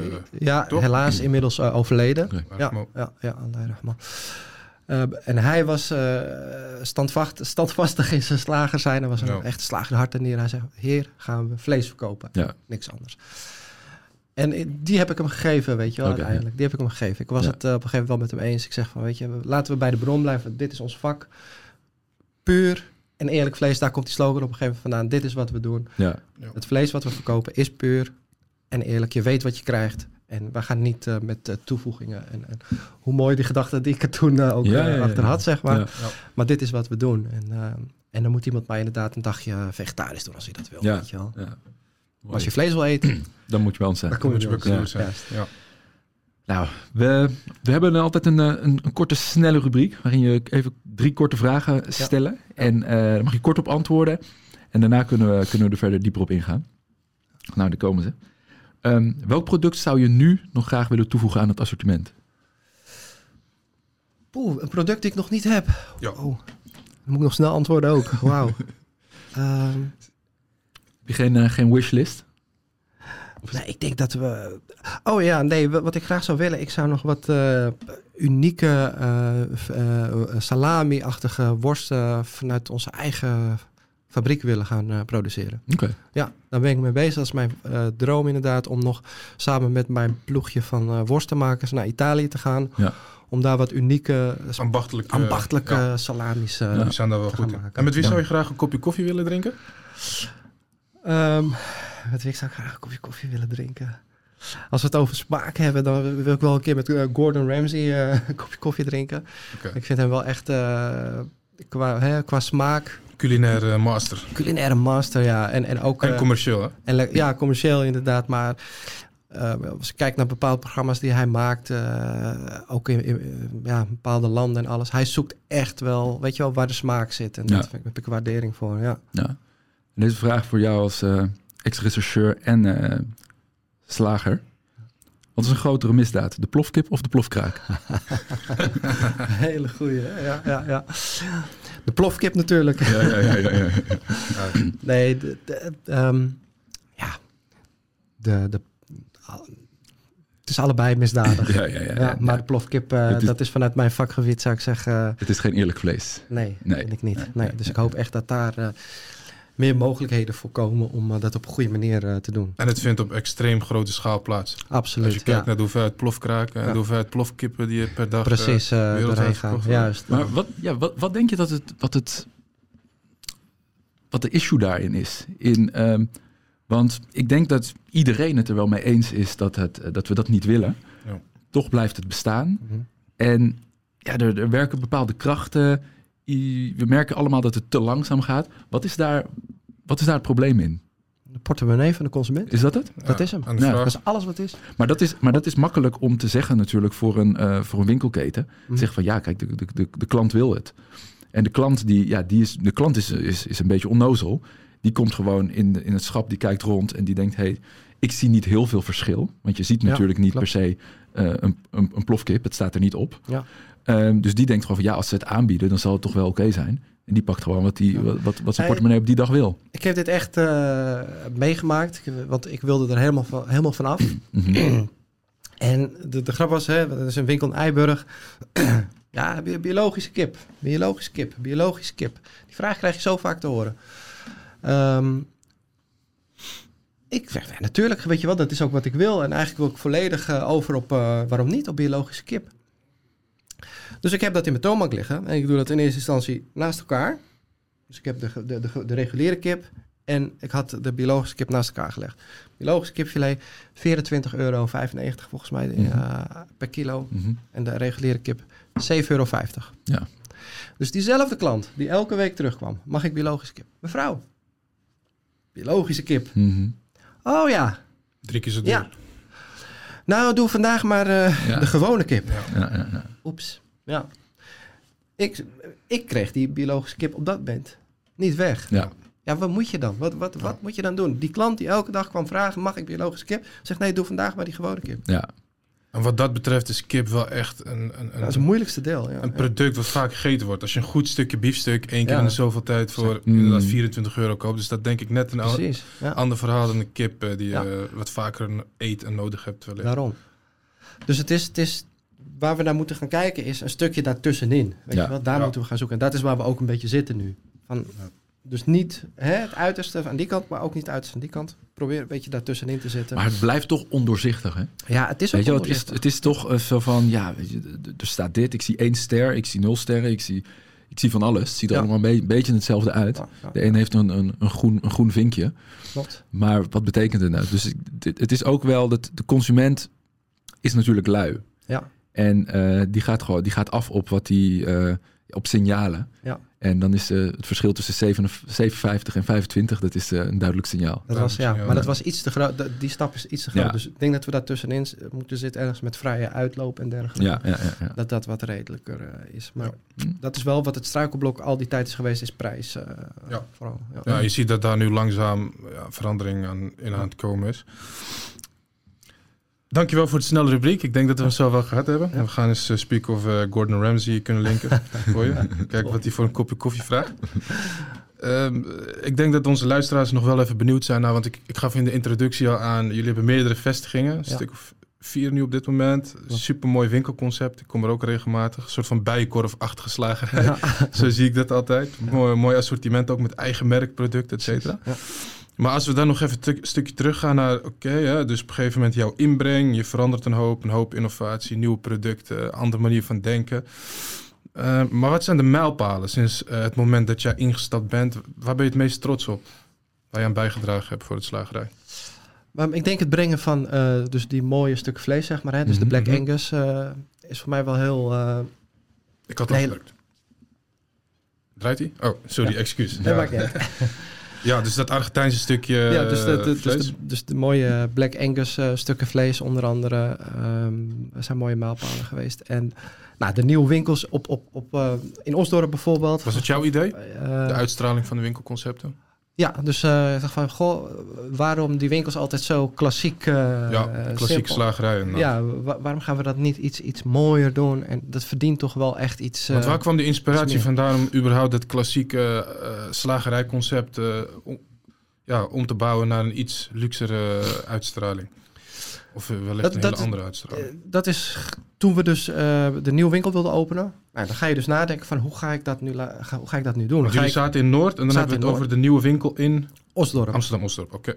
Nee, we waren eerst natuurlijk even kijken, Eiberg, maar mijn eerste winkel die ik heb gebouwd, dat was in Osdorp, zeg maar. Oké, ja. En, en toen was het van, goh, hoe ga ik dat doen? Hoe ga ik dat aanpakken? Ga ik gewoon verder in de, in de voetsporen van mijn broer? Hup, nou, wat heeft hij gebruikt? Nou, een systeemplafond, eh, wat te- die tegels en dit en dat. En koperslijst en eh, iedereen afgaan. Juist, ik zeg, nee, waarom? Ik ga, ik ga eens met iemand anders eh, hier voor zitten. Want je was niet tevreden met de uitstraling. eh. Nee, ik, ik dacht, dit, dit verdient eh, ik denk iets meer, weet je wel. Onze, onze klantengroep verdient iets meer. Waarom moet het altijd zo simpel eh, Ja, ja, ja. ingericht zijn? En, en ik denk dat het ook belangrijk is voor de beleving om iets, om iets bijzonders ook niet alleen in je toonbank te hebben, maar ook Slim. Ja. ja, de hele de uitstraling van de winkel. En toen ben ik geconnect met, met, met iemand, met een binnenhuisarchitect, zeg maar, met Redwan is dat. Mhm. en dat was eigenlijk een hele leuke klik die ik met hem eh, had. Hè. En ik zei van, goh, we gaan, we gaan het eh, we gaan het helemaal anders doen, zei ik. We gaan gewoon eh, helemaal blanco erin. En we vergeten even alle eh, Uitstraling regels, voor de keurslager. Die, die nu gelden. We gaan Ja. helemaal opnieuw, van scratch gaan we dit bedenken. Mm. Ja, er waren hele leuke sessies, zeg maar, die we gehad hebben. En, Mm. En daar is dat eh, uit voortgekomen. En dat groeit alleen maar. Want eh, met elke winkel die we, die we nu weer nieuw willen openen, gaan we opnieuw weer aan die tekentafel zitten en zeggen van hoe kunnen we het nou net weer iets meer geven of net iets. Kun je een element noemen waarvan je zegt van kijk, dat hebben we echt, daar hebben we van besloten, dit doen we anders dan anders. Ehm nogmaals, nou, het, één ding is bijvoorbeeld het plafond, weet je Mhm. wel? Hoe, hoe doe je de, het plafond? Dat is eigenlijk in alle slagerijen is het systeemplafond. Mhm. En het is ook het makkelijkste qua akoestiek, qua, qua hygiëne en alles. Maar als je gaat kijken, het, het, het doet heel weinig voor de sfeer eh, Mhm. in de zaak. En dan was dus eh, van, nou, het plafond weghalen. En eh, wat hadden we nog meer gedaan? De vloer is altijd een bepaalde tegelvloer in, in, in een winkel. De kleuren van de tegelwand. Dat zijn allemaal dingetjes, elementen die, die heel anders... eh, Ja. Ja, ja, mooi. als ik even, ja, onder andere. Ja. Ja, Eh, inmiddels eh, vier vestigingen. En hoeveel Klopt. onder de leiding van het eh, nieuwe concept die je samen met uh, Redouan bedacht hebt, uitgeschreven hebt? Ehm, alle winkels zijn nu in eh, de nieuwe stijl. Ja. Ja, het zijn er vier op dit moment, hè? Ja, via winkels. Ja. En, en hoe heeft dat de, heeft dat de, de klandizie beïnvloed? Trek je Ja, andere... zeker wel. Ja? Ja, ja, ja, ja. Op welke Je manier? ziet, eh, de doelgroep steeds eh, diverser worden, Oké. zeg maar. Ehm, de, de, de drempelvrees zeg maar, van eh, bepaalde doelgroepen wordt ook steeds minder. Die, die durven gewoon eh, lekker naar binnen te stappen nu. En eh, ja, gewoon super. Ja. Wat bedoel je met de drempelvrees van bepaalde doelgroepen? Ehm, sommige mensen hadden een bepaald beeld bij hoe een halal-slagerij eruit ziet en, en wat je daar kan krijgen. Mhm. En nu, als je, daar, als je ervoor staat en je kijkt naar binnen, word je al nieuwsgierig van, hé, hey, wat, wat is dit voor eh, winkel? En dan durven ze naar binnen te komen en dan durven ze ook eens te zien van, wat heb je liggen in je toonbank? Ja. Oh, wauw, weet je wel, dat zijn wel hele mooie, bijzondere artikelen. En eh, ja, en die hebben dan die drempelvrees overwonnen. En Ja. die heb je dan, als ze eenmaal binnen zijn, gaan ze nooit meer weg. Ja, want de Ja. kwaliteit is, Daarom, is goed. ja, Dus dat heeft, heeft te maken met een, een bepaald, eh, bepaald vooroordeel misschien wat er is. zeker. Wat hangt aan, aan de traditionele Ja. slagerij. Ja. Ja, Ah, interessant. Als we, dan hebben we het inderdaad over het winkelconcept. Hè? Eh, maar ik weet dat jullie ook heel erg eh, kijken naar producten. Hè? Jezelf onderscheiden ten opzichte van de rest als we het hebben over producten Ja. op productniveau. Kun je daar misschien wat meer over vertellen? Over hoe jullie op het gebied van vlees, maar misschien ook eh, het assortiment daaromheen jezelf onderscheiden? Ehm, als je kijkt puur naar de- onze vleesproducten, zeg maar. Wa- wa- Ja. Waarin we ons onderscheiden, denk ik, is ehm, door onze zelfgemaakte en ambachtelijke vleeswaren onder andere. Ja. Eh, waar jullie hebben een eigen, eigen fabriek ook? Of, ja, eh, we hebben eh, nog steeds onze eigen worstmakerij, rokerij. Oké. Waar je ziet dat heel veel slagerijen eigenlijk nu eh, terugschalen op dat gebied. Hè? Dus niet meer die eigen worstmakerij hebben en heel veel toch eh, inkopen elders. Waar je zegt, nee, laten we nou gewoon Jullie schalen op. juist eh, doorgaan met het zelf maken en meer producten juist zelf proberen te maken. Mhm. Eh, de- de- ja, dat is, waar het, dat is waar het moeilijk wordt, zeg maar. En waar eh, het soms niet eens altijd rendabel is om het zelf te doen. Misschien wel eh, slimmer, economisch gezien, om het gewoon ergens in te kopen. Mhm. Ja, maar tegelijkertijd geeft het je ook extra bestaansrecht. Want omdat je Dat de is- eigen ja. fabriek hebt, eh, kun je ook makkelijker inspelen op trends, behoeften van klanten. En Klopt. kun je zelf makkelijker producten Ja, ja, maken. ja. En achter de kwaliteit blijven staan. Klopt, Dat heb je in mindere mate als je Ja. in moet kopen bij een bestaande fabriek. klopt. Is, Nee, dat, en is dat de reden? dat, is, dat is een reden natuurlijk. Je wil invloed houden op de smaak en, en, Ja. en de ingrediënten ook. Hè, waar je ziet dat heel veel producten tegenwoordig afgeschaald worden eigenlijk. Dus ze worden alleen maar goedkoper. Eh, ze proberen de productiekosten heel erg omlaag te krijgen. Ja. Ja, en dat gaat uiteindelijk ten koste van, Van de de product en smaak. ja. En dat is, dat is wat ik zelf heb gemerkt. Als je kijkt naar... Als je vroeger ergens eh, een broodje ging eten... of, of dat nou eh, een fastfoodketen is of een andere... het smaakt gewoon heel anders nu dan toen. En de meeste mensen hebben dat niet eens door. Sorry? De porties zijn ook kleiner soms. Ja, daarom. Als je ziet eh, een plakje kaas op een burger ergens... Weet je, wel, je weet niet eens wat je eet. Is het wel kaas? Ja. Of is het gewoon nepkaas? Allemaal, Ja. eh, en het wordt kleiner inderdaad. En hier zeg van nee, wij doen juist geen concessies aan die ingrediënten. Dat moet op het hoogste niveau blijven. En, en dat is hopelijk wat, eh, wat men dan ook eh, blijft terugproeven. Ja. En lever- leveren die, die fabrieken alleen aan jullie eigen slagerijen? Of hebben jullie ook klanten daarbuiten? Ja. Ja? We hebben ook eh, zo'n aantal eh, bedrijven waar we ook aan leveren. Zeg Ja. maar buiten, maar dus met name buiten Amsterdam eigenlijk. Ja, buiten het werkgebied om. En ik had, het, ik had het net ook even kort over eh, producten. Volgens mij hebben we het over kroketten van Ja. het eigen merk, Cadeauslagerij. Ja, klopt. Ja. Wat is, wat is daar, eh, is dat iets wat eh, een groot verschil heeft gemaakt? Of is dat voornamelijk eh, financieel interessant geweest voor jullie om het zelf te Het doen? is de be- behoefte van de klant die, eh, die dat heel lekker vindt eh, en leuk. Dus dat is wel een hele interessante, goede toevoeging aan, aan het assortiment. Hè? Dus mensen die komen, lekker hun boodschapjes doen en ook wat snackjes kunnen vinden. Dus ja, ja. Ik vind het, wat ik ook wel interessant vond, is je noemde net eh, eigenlijk die, die, die, die, die droom om bijvoorbeeld salamis toe Ja. te kunnen voegen aan je precies. assortiment. Ja. Ehm, ja, hoe, hoe, hoe gaat dat in zijn werk? Want een salami is natuurlijk va- vaak van, tenminste als je in Italië Ja, bent, ja. eh, op basis van varkensvlees. Klopt, ja. Weet je, er is toch een interesse. Ik kan me ook voorstellen, nou, het, ziet er, het ziet er toch op een bepaalde manier interessant uit. Mm. Ehm, hoe ga je daarmee aan de slag om, ja, ga je iets nieuws maken? Want je, Ja. je, proeft, je proeft de salami daar niet. Ja, klopt. Of proef je hem wel? Nee. Nee. Nee. Dus je, je, er is een bepaald product waarvan je denkt, hey, ik ga daarmee aan de slag. Ja. Hoe gaat dat proces? Ehm, dat is in samenwerking met, met de worstenmakers van Mhm. ons. Hè. De- de- dan eh, zeggen van, goh, we, we willen dit maken. En dat is vroeger... Kijk, nu hebben we al best wel veel ervaring met hoe kunnen we bepaalde smaken en bepaalde sappigheid en dergelijke krijgen. Wat je normaal alleen van een varken inderdaad eh, kan krijgen. Mhm. En wij hebben ook, eh, wij werken ook samen met de Nederlandse eh worstenmaker onder andere. Die ervaring heeft met, met, met de Nederlandse worstenmaker. En ehm, het was wel een heel interessante samenwerking, want hij moest dus ook zijn hele manier van werken gaan veranderen. Want hij, ja, ja, hoe krijg ik nou die sappigheid erin? Hoe krijg ik nou die, die smaak erin? En dat zijn we samen gaan ontdekken. Dat was Ja. echt pionieren. En op een gegeven moment dan leer je alle tips en tricks wel een beetje van hoe je toch bepaalde smaak kan krijgen. En wat je zegt, ik proef niet, maar, eh, Hij proeft wel. maar hij wel. Ja. Hij weet wel hoe zo'n salami smaakt. Hij dus weet het wel. voorwerk is eigenlijk al gedaan. Het is alleen ja. nu de goede Precies. Kijk, en met salami, eh, he- wij maken heel veel vleeswaren zelf, maar salami is net een ander soort product. Wat, Eh, dat heeft een bepaald klimaat ook nodig om te kunnen rijpen, zeg maar. Ja, en ja, ja. daar moeten we dus van gaan kijken van, eh, kunnen we die klimaatkamers moeten we gaan eh, bouwen.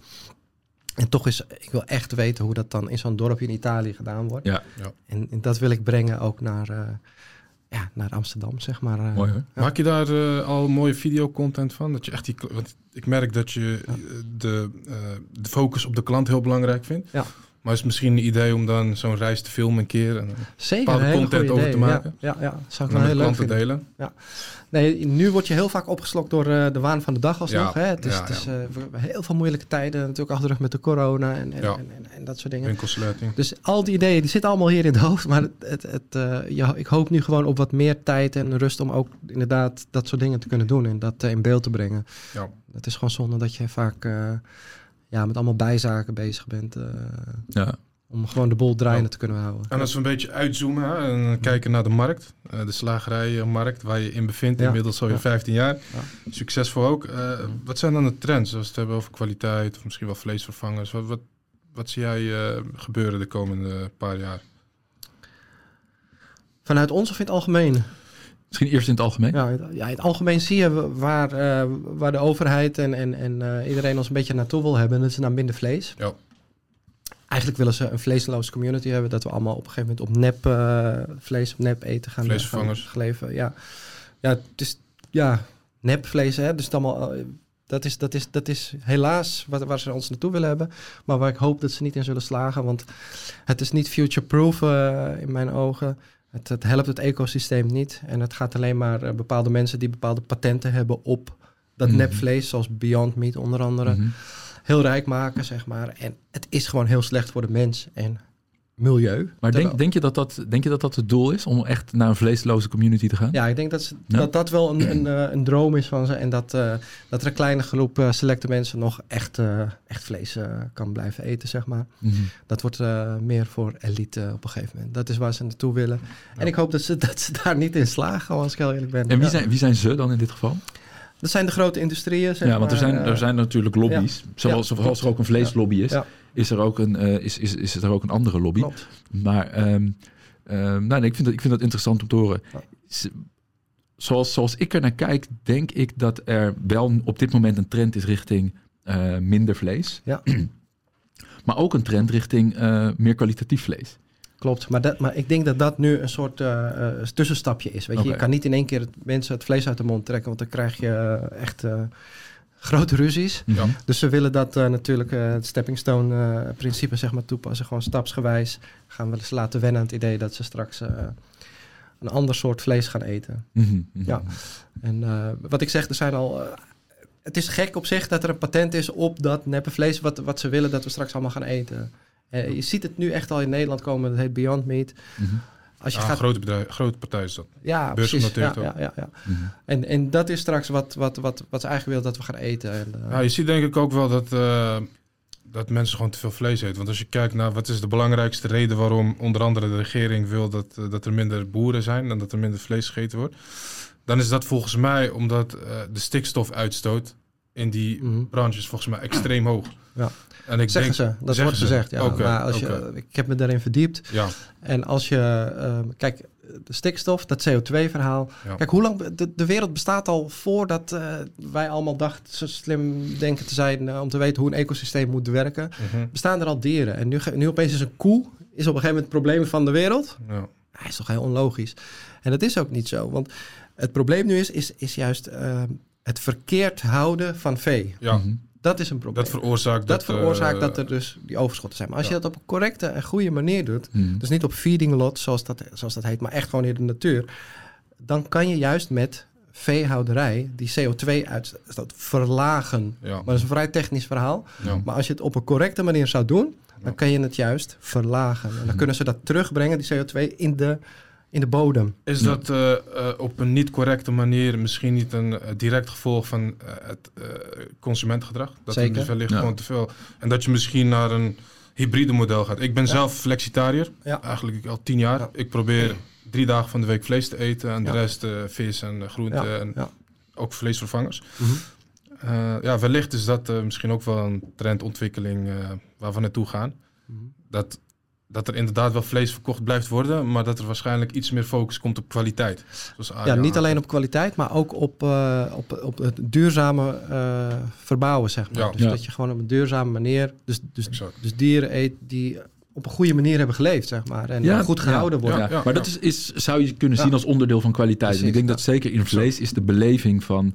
Nou ja, natuurlijk de, de supply chain waar het vandaan komt... Juist, wordt ja. gewoon een onderdeel van het product. En, Ja. Eh, ik denk En- dat de echt probleemveroorzakers in dit geval de, de grote Albert Heijn leveranciers, het zoals Juist. Fion, dat, dat, Ja. dat zijn wel de echte, die, kijken, die, die het verschil moeten gaan maken straks met de manier hoe, eh, hoe de vlees, eh, juist. Ja. de kleine ambachtelijke slagerijen die... eh, Daarom. Dus En, en wat ik zeg van.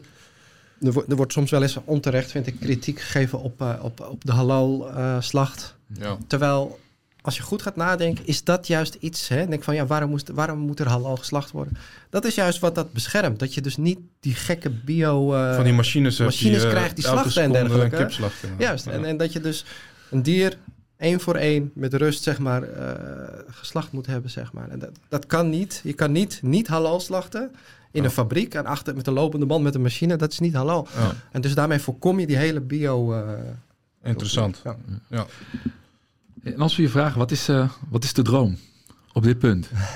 Wat is de droom? Ja, de droom is om ehm, mensen nog meer te laten genieten, zeg maar, van eh vleesspecialiteiten.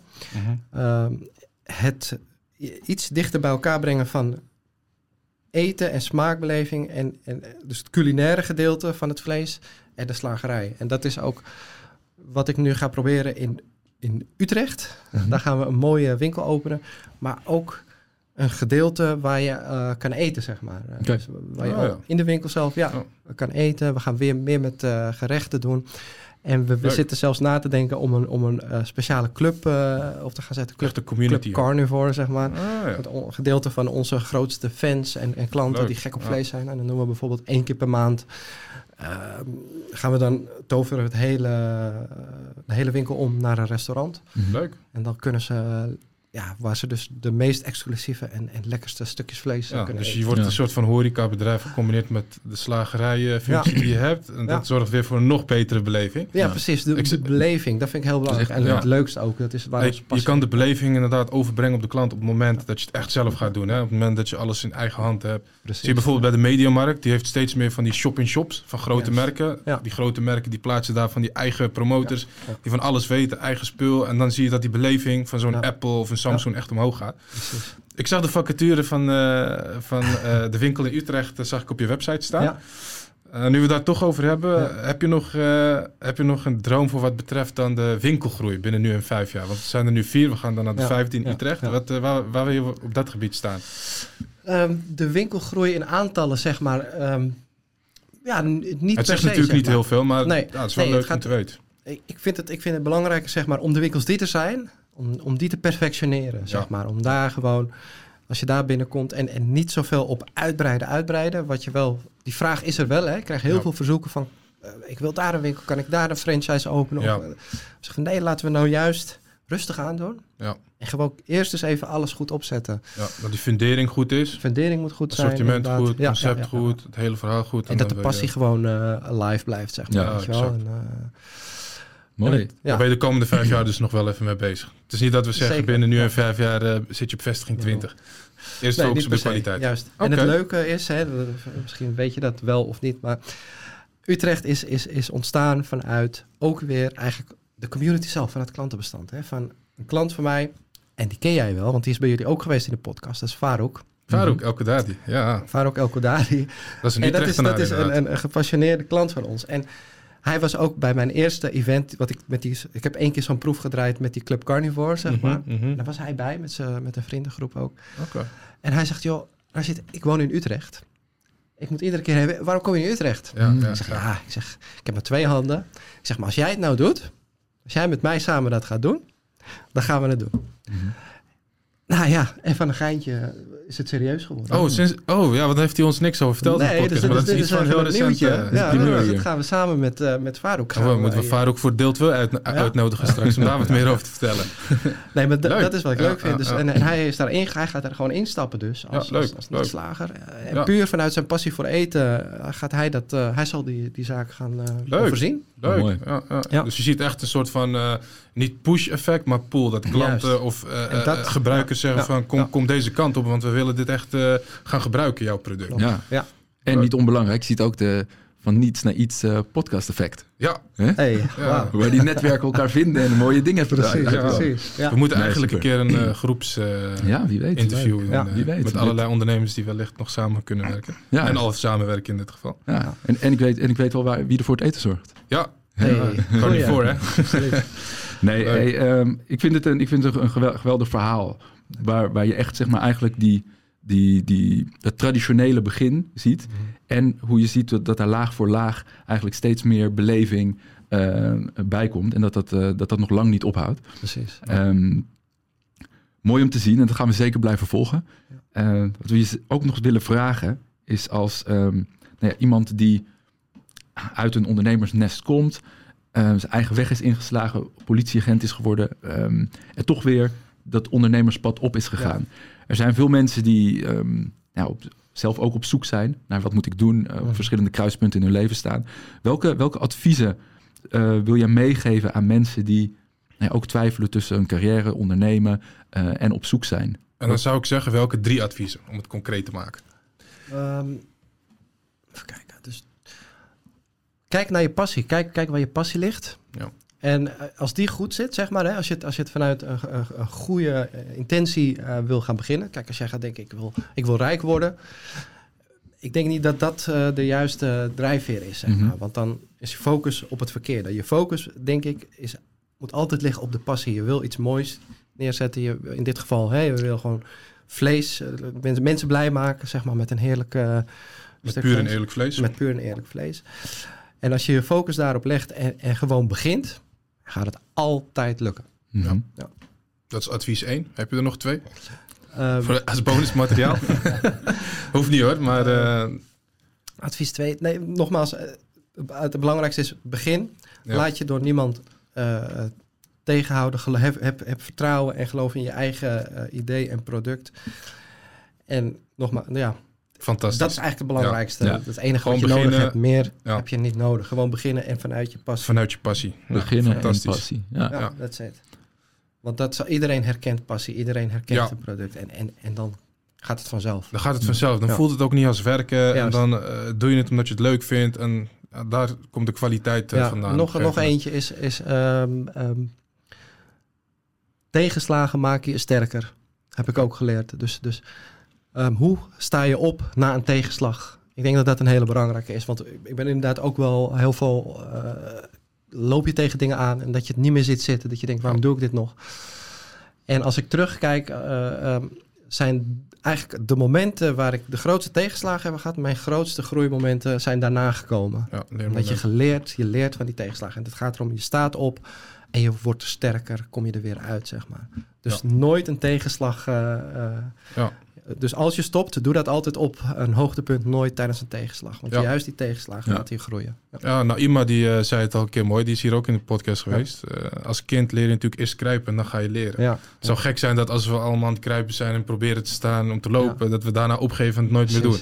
Dus dat zijn de momenten inderdaad waar je het eh, meest van leert. precies. Ik vond het een fantastisch eh, verhaal. Dankjewel voor het delen. Ja. We gaan je zeker volgen. Top. Ehm, en eh Arie, eh, ik zou ook een keertje even langs gaan eh, in een van de Zeker, zeker weten. Wa- Wanneer zijn we open in eh, Utrecht? We hopen ehm, in mei. Ja, Mei van, van dit jaar al. mei van dit jaar. Oh, nou Ja, kijk eens. ja. Nou, geweldig. Dan eh, gaan we, gaan we in ieder geval onze, onze luisteraars ook vertellen eh, waar het is. Weet, Ja. weet wel wat, wat, waar Harukuplein. Sorry? Harukuplein heel goed. in Lombok. Ja. Lombok. En voor de mensen die, eh, die je willen volgen op social media, eh, die, die in de gaten willen houden en geïnspireerd willen raken, waar kunnen ze jou vinden? Op uh, puurkadoor op Instagram. Dat is Oké. het main kanaal. Dames en heren, ga checken voor het lekkerste, het meest pure en het meest eerlijk vlees. Maar ook nog andere leuke artikelen. Ga checken, ga langs in een van de vestigingen. En ehm, ja, dank jullie wel weer voor het luisteren. En uh, Rashid, dank je wel voor je tijd. Dankjewel, Rashid. Ja. Yes.